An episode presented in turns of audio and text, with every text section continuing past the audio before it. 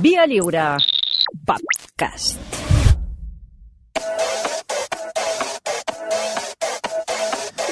Amb el president de la Fundació .cat, l'assessor digital i l'home que en sap més de la transformació digital del nostre país, que li molesta molt que li digui això. Per cert, vaig veure l'altre dia fent fotos allà, però no sé què heu signat amb el Barça, i vaig allà... Sí. T'han fi, fitxat? M'han fitxat. De lateral. Lateral esquerre. Home, Començo- ara ho necessiten.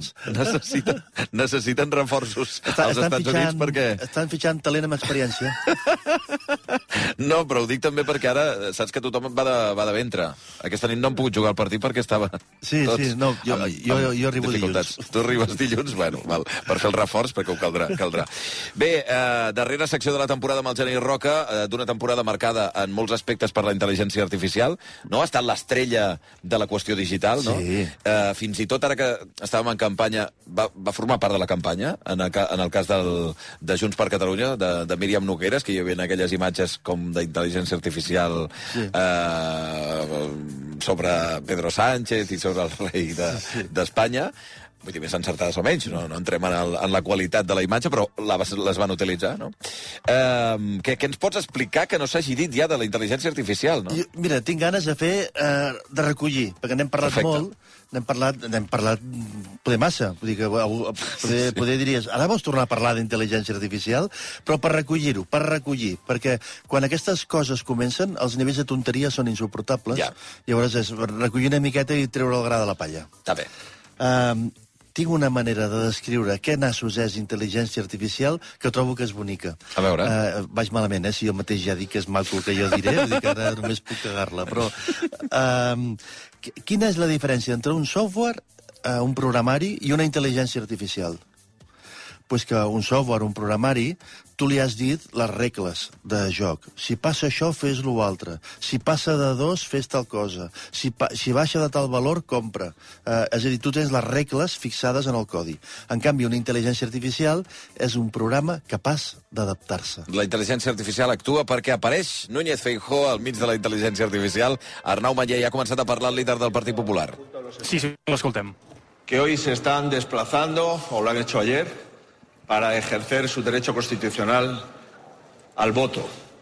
Quiero decirles, en primer lugar, que me siento muy orgulloso de mi país, de nuestro país, porque a pesar de todas las circunstancias climatológicas, a pesar de la temporada estival, a pesar de que hay millones de personas fuera de su domicilio, me consta que de momento está habiendo una buena participación y también me consta, por testimonios personales, que hay mucha gente que ayer, bien en avión, en tren o en coche, se ha desplazado a Madrid, los que estaban fuera, y eran muchos, y por lo que me dicen, también las autovías de entrada a la ciudad eh, están con bastante tráfico. Espero y deseo que tengamos una jornada como hasta ahora, normal, tranquila, festiva, y también quiero agradecer de una forma muy especial, en primer lugar, a todas las personas que les ha tocado estar en la mesa, como titulares de la mesa, como suplentes, a todas las personas que han tenido que trabajar muchísimo en las últimas semanas, me refiero a la dirección logística y a los carteros y a las oficinas de correos. Carters. Le quiero agradecer mucho a todos los fuerzas y cuerpos de seguridad del Estado que estén custodiando la democracia, que estén en las mesas y, por supuesto, también a todos aquellos interventores y apoderados de todos los partidos que hoy, con su papeleta, están hoy aquí y con su señal de identidad, pues acreditando que el, recuento y la aproximación a las mesas se está celebrando, en este caso la aproximación con normalidad y el recuento al finalizar las 8 de la tarde. Es evidente que nos jugamos muchas cosas. Nos jugamos qué modelo queremos de país, nos jugamos tener un gobierno sólido, tener un gobierno fuerte y es necesario que España hable, que España decida y todo lo que decida España estará bien y todo lo que hable España con nitidez y con claridad será bueno para los españoles. Simplemente decirles que yo estoy a disposición de mi país, lo he estado siempre durante estos últimos 30 años. Asumo por primera vez la candidatura a la presidencia del Gobierno de España. Sé que es el mayor honor que puede tener un español, pero también la mayor responsabilidad que puede ejercer un ciudadano. Y también quiero decirles que ocurra lo que ocurra, seguiré trabajando por mi país, creo en él, es mi pasión, es mi compromiso, es mi vocación y también es mi destino.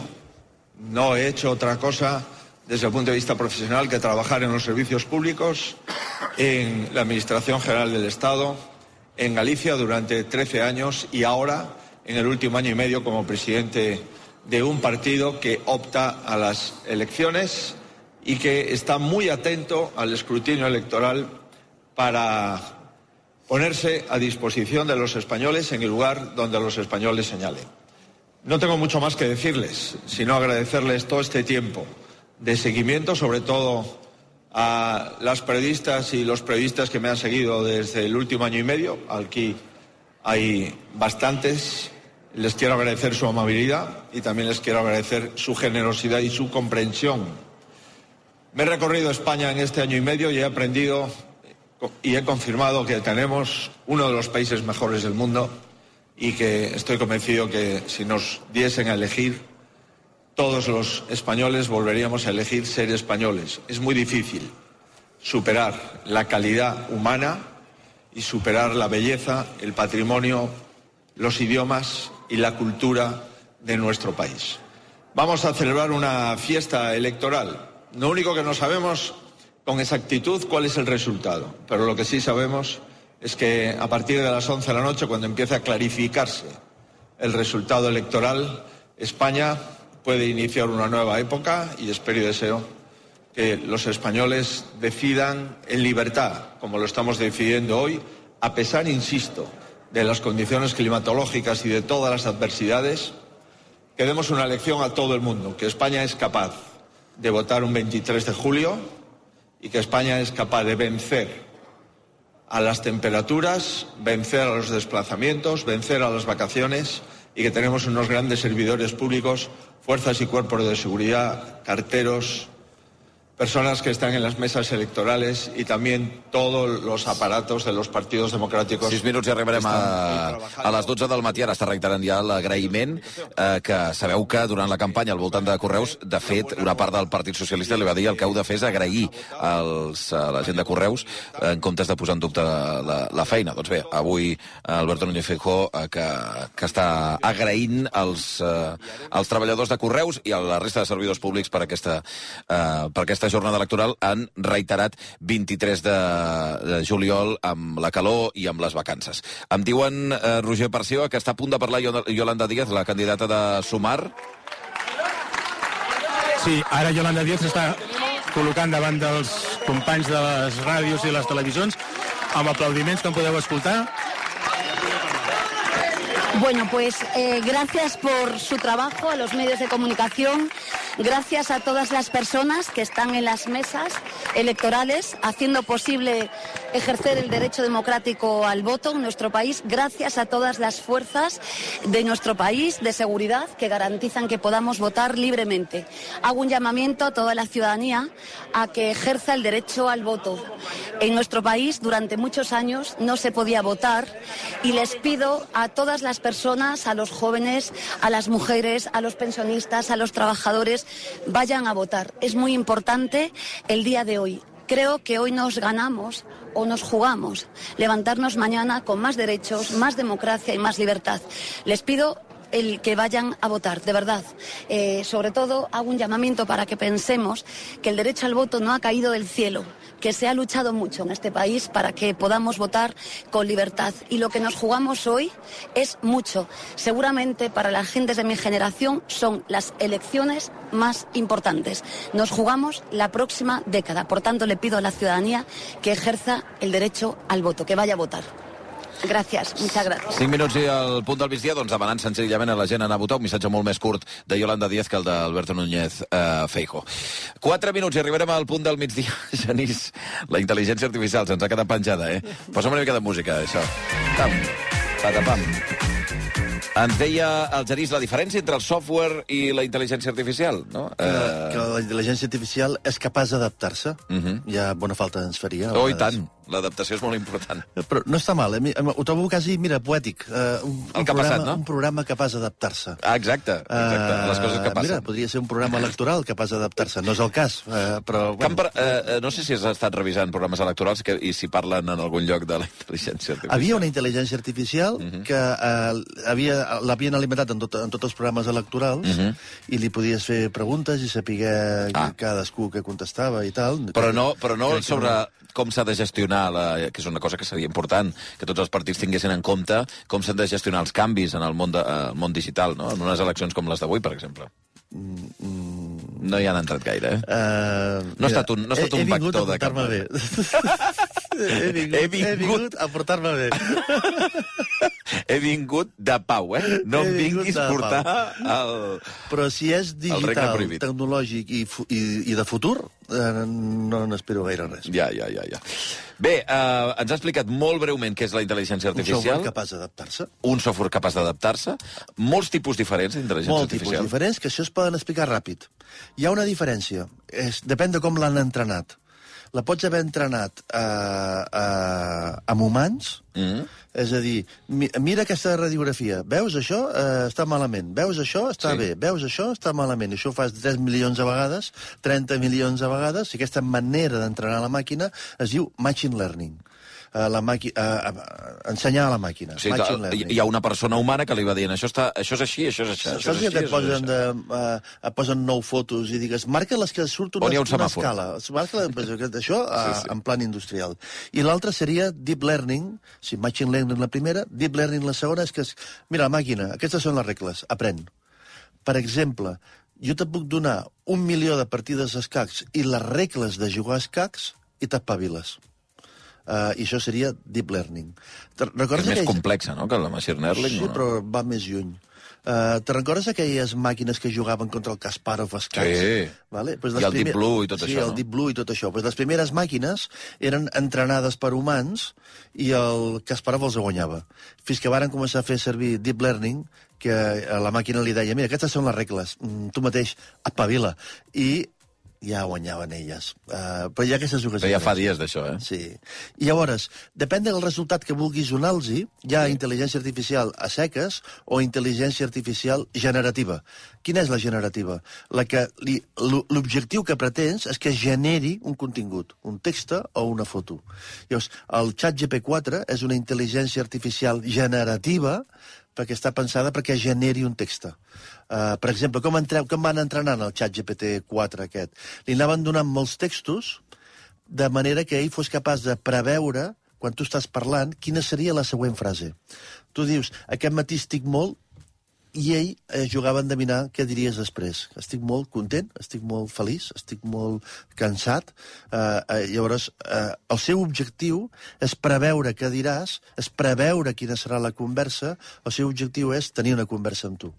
Eh, la intel·ligència artificial generativa no té per què tenir raó, no té per què, té, no, té- no té per què eh, eh, estar donant una resposta correcta, l'únic que pretén és donar una resposta. És com tenir un pesat al teu costat a la barra del bar, Sí. que parlis el que parlis, ell contesta. Hi ha gent que és així. Sí, però no vol dir que en sàpiguen. No, Vale. que tenen respostes per tot, Pues però no un tenen xat per què. GPT és un uh, borratxo de barra de bar. Hòstia, és boníssima la definició, m'agrada molt. Va contestant, perquè està entrenat per contestar. Mira, ara ens estan eh, enviant vídeos la gent, i ara d'una màquina jugant a, a tenis taula. Això és, això és autèntic o no? Jo crec que això no és real, eh? Pues, No ho veig clar, això, eh? Sí, poc, Bueno. poc. El vídeo poder l'ha fet una intel·ligència. Sí, això potser sí. I l'última diferència que m'interessa molt és si és oberta o tancada. Que què vol dir això? Aquests motors, un cop els tens entrenats, Sí. poden ser tancats, per fer-los servir has de pagar, o poden ser oberts, te'ls deixo servir, fes-ne el que vulguis. Que aquesta és on està la... Aquí és on hi ha el marro ara. Perquè ChatGPT uh, ChatGPT és un producte d'una empresa que es diu OpenAI, Sí. que es diu OpenAI, perquè Però van néixer jurant que serien open, I ja no i, són. i pel camí es van, des, es van desdir. Es van tancant. Llavors, OpenAI no és open. Mica en mica es van sent closing. Llavors, OpenAI no és open. Llavors, si tu vols fer servir les, els motors d'intel·ligència artificial d'OpenAI, has de pagar la llicència, el codi, el que sigui. En canvi, a Facebook, que ara es diu Meta, està contraatacant amb una alternativa que es diu Llama 2, eh, que és open. i que això permetria que tu la puguis utilitzar i desenvolupar coses aquí al damunt, en teoria de lliure accés, que després resulta que tampoc ho és del tot, etc. Però obert i tancat. A veure, Genís, per què si, com ara ens deies, una certa intel·ligència artificial ja existia fa dècades, perquè hi havia unes màquines guanyant els escacs, o competint amb els grans escaquistes, per què de cop ara tots ens hem posat a parlar-ne? Aquí el que està passant, i és una tendència general en tecnologia, és que les coses que haurien d'estar en un laboratori de recerca Sí? s'em- s'empenyen cap al mercat i es posen en producció. Massa ràpid. Però, però si encara hauria d'estar a mi més és per alguna cosa. I és perquè encara no ha passat les proves, encara no ha passat la, els, el, el, les garanties legals, etc. Però això està passant en tot, eh? O sigui, és una tendència d'aquesta dècada. La tecnologia que hauria d'estar al laboratori està al carrer. Uh, els cotxes conduint sols pel carrer. Dius, home, això haurien d'acabar de provar-ho. Bueno, jo li foto. Uh, uh, Per ser el primer... o per ser, per ser el primer, per ser més ràpid, per guanyar més mercat, per tenir més inversió, per guanyar més calés, pel que sigui. I la intel·ligència artificial és això, és una cosa que hauria d'estar al laboratori i, en canvi, ja està al carrer. I això de què és responsabilitat? De grans noms... Això és responsabilitat de que, en general, els governs estan una miqueta desbordats i no es veuen en cor de reaccionar val, a, prou ràpidament a la, la regulació que haurien de tenir les això ho has, coses. la comparativa que has fet alguna vegada és que mai ens plantejaríem que un, un medicament que està en fase de proves Sortís, a la, a la, sortís al mercat amb facilitat i el poguessis trobar a qualsevol farmàcia. i sense, sense haver acabat de tot de fer les proves. Sí. Pues això és el que està passant en tecnologia. Llavors, la intel·ligència artificial, clar, és una cosa tan potent que arriba al mercat i tu dius, eh, encara no està madura. Bueno, és que, i què faig? M'espero, perquè tot el temps que m'espero és avantatge competitiva que els Per altres m'estan adelantant. I aquest és el, eh, és el cuit de la qüestió en el sentit de que hi ha problemes legals, hi ha problemes, eh, dubtes, de, en fi, Clar. de tots els governs, és aquest el punt. Aquest és el punt. Agafen i diuen, eh, jo per entrenar-me he fet servir eh, la teva veu, Xavi, eh, però tu no estàs veient un duro d'això. Uh. -huh. eh, llavors és... Però aquí hauria d'haver-hi un tema de drets d'autor, i el que diuen és, bueno, mirem-ho, i dius, home, mirem-ho. Anem parlant-ho. Anem, Ja anem ho parlarem, parlant, i anem-ho discutint. Mentrestant jo vaig fent, però- Tru, truca als teus advocats, que Sí. jo tinc els meus, eh, joder, és una miqueta, una miqueta rotllo. Um, però quina és la tendència? Ara estem veient grans eines d'intel·ligència artificial, que, eh, però que passarà és que totes les eines incorporaran intel·ligència artificial, que això és molt més Que estarà tot arreu. estarà tot arreu, no te'n donaràs ni compte. Uh, deixarem de parlar-ne. De, de fet, jo crec que OpenAI, ChatGPT, està de capa caiguda. Una Sí, no estem parlant gaire, ja. És una opinió personal. Sí, sí. I el que estem veient com arriben són altres eines. Per exemple, Photoshop, el famós, la famosa eina de retoc de retoc d'imatges, Sí, sí, edició etcètera, d'imatges, sí. Aquesta eh, ja ha tret una versió que incorpora suport d'intel·ligència artificial. Llavors, tu pots estar ja amb el Photoshop eh, pintant el, el que hagis de pintar i obrir el micro i dir-li omple'm el fons amb un camp de margarites. I, i, i t'ho fa. I llavors tu dius, ja, bueno, sí, però he sentit parlar de que hi ha problemes legals, de que poder la margarita que estic fent servir eh, per multiplicar-la per mil i posar-la de fons, poder és una foto que tenia drets d'autor, etc. Llavors, el que està passant ara és que Photoshop ofereix suport legal als usuaris de la seu, del seu producte perquè no tinguis por, que no hi haurà cap problema, perquè això és el que estan fent tots ara, eh? Comencen a fer servir intel·ligència artificial donant-te garanties Mhm, de que està bé. De, de que està bé. Que això és una millora. No, no, i tant, i una tant. millora. Uh, Microsoft uh, ha tret un concepte molt interessant que es diu copilot, el copilot. I el que diuen és, les meves eines tenen copilot, que és el tio que està al costat que t'ajuda, no? Llavors, Word amb copilot, Excel amb copilot, PowerPoint amb copilot. Llavors, tu pots estar escrivint en Word i activar el copilot i dir-li, acaba amb la carta. O està, està xulo, eh? Uh, però mira, les coses comencen a tenir preu. Quan val copilot? Cop, copilot, Ah, ja fan copilot, pagar, eh? Copilot de, de Microsoft. Quan val? 30 dòlars més. Uh, I quan val una llicència d'Office de Microsoft? 12 dòlars més. Llavors són 30 i 12, 42. Un xic car, però ho farem Però servir. allà. eh? Ho farem servir. Estan eh? allà. Ho farem servir. I a partir d'aquí, l'estratègia de totes aquestes empreses de cap on va aquesta mena de- d'intel·ligència artificial. Aquí jo crec que OpenAI és un... està caiguent i, i aquí la guerra ara serà entre Microsoft, uh, Meta, que és Facebook, i Google. El que està jugant-ho molt intel·ligent és Microsoft, perquè s'apunta a tot. Té accions a, a OpenAI, i també acaba de donar suport a la solució de Meta de Facebook i també acaba de donar su su suport a la solució de Google. Uh, què està fent Meta de Facebook? Anar a solucions de codi obert. Què està fent Google? Anar a solucions específiques per a indústries concretes. Per exemple, acaben de dir que tenen un... Uh, L'altre dia, el New York Times Sí. va explicar en una notícia que directius de Google se li havien adreçat proposant-li una solució que redacta molt bé les notícies. Oh.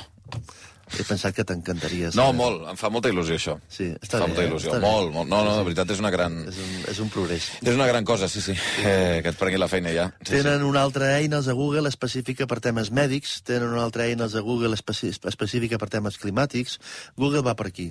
Uh, eines molt sí. especialitzades. Passa que de metges a l'atur n'hi ha pocs, però de periodistes a l'atur n'hi ha uns quants. Sí. Jo crec que ho acabareu fent servir. Ja. Ja. Mm, bueno, no sé. Ja. 3 o 4 anys.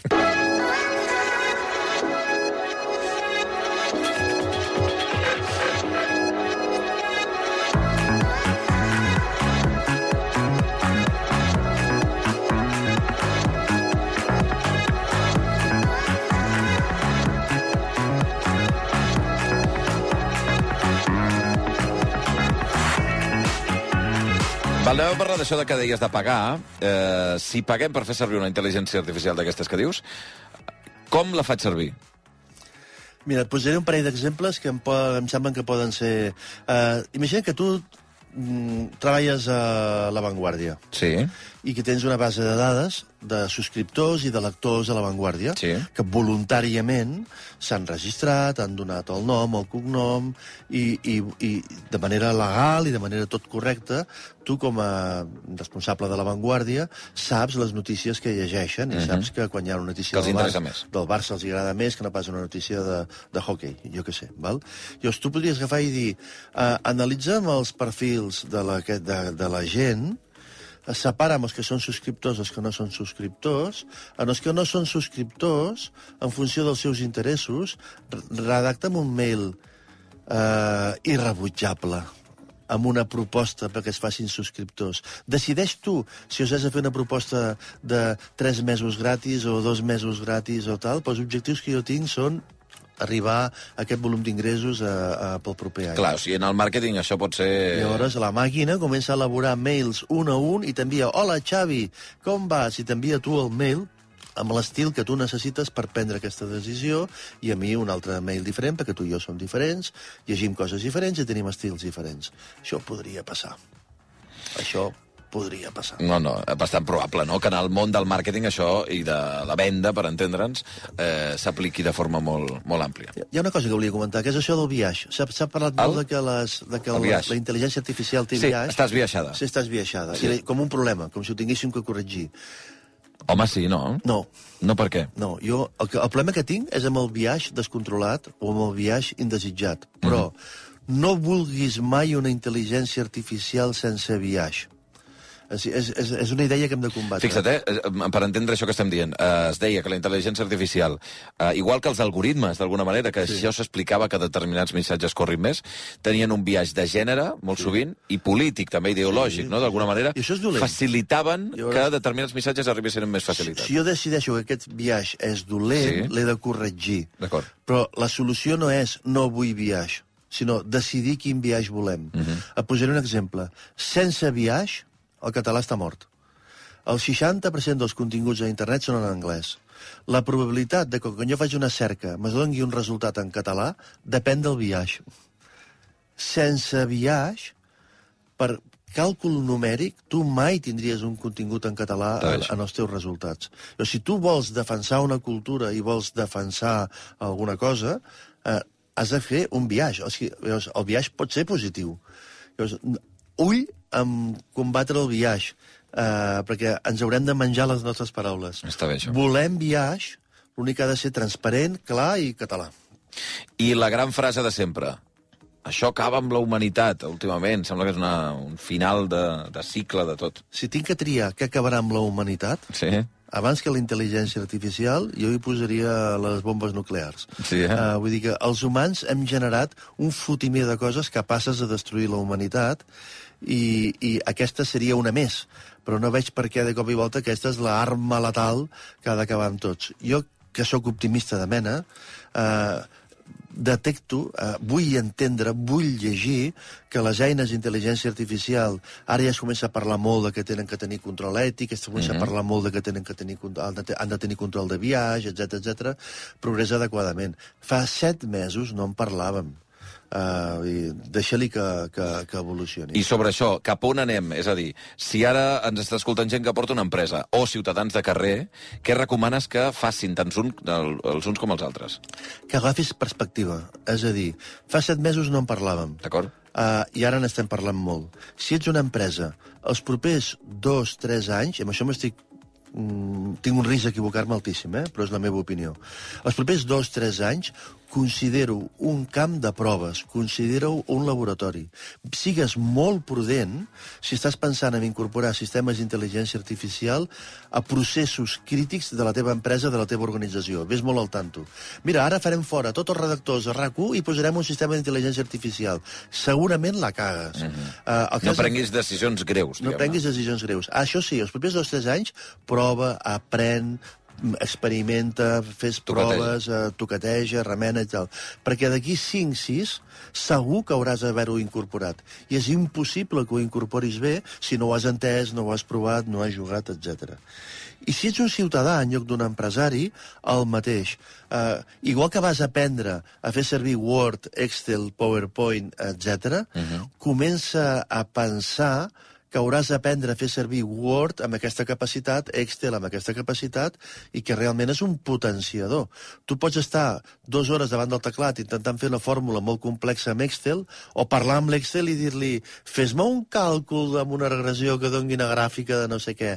Aprèn a parlar amb la màquina per dir-li el que vols, tampoc serà fàcil, però jo crec que en aquest procés d'aprenentatge, si ets empresa com si ets particular, tens un parell d'anys pel davant. És una idea que m'interessa molt, perquè tothom ens ha venut la moto de que tot és molt vertiginós, molt Sí, sí, vertiginós, no, i que no hi, ha, no hi ha qui ho atrapi.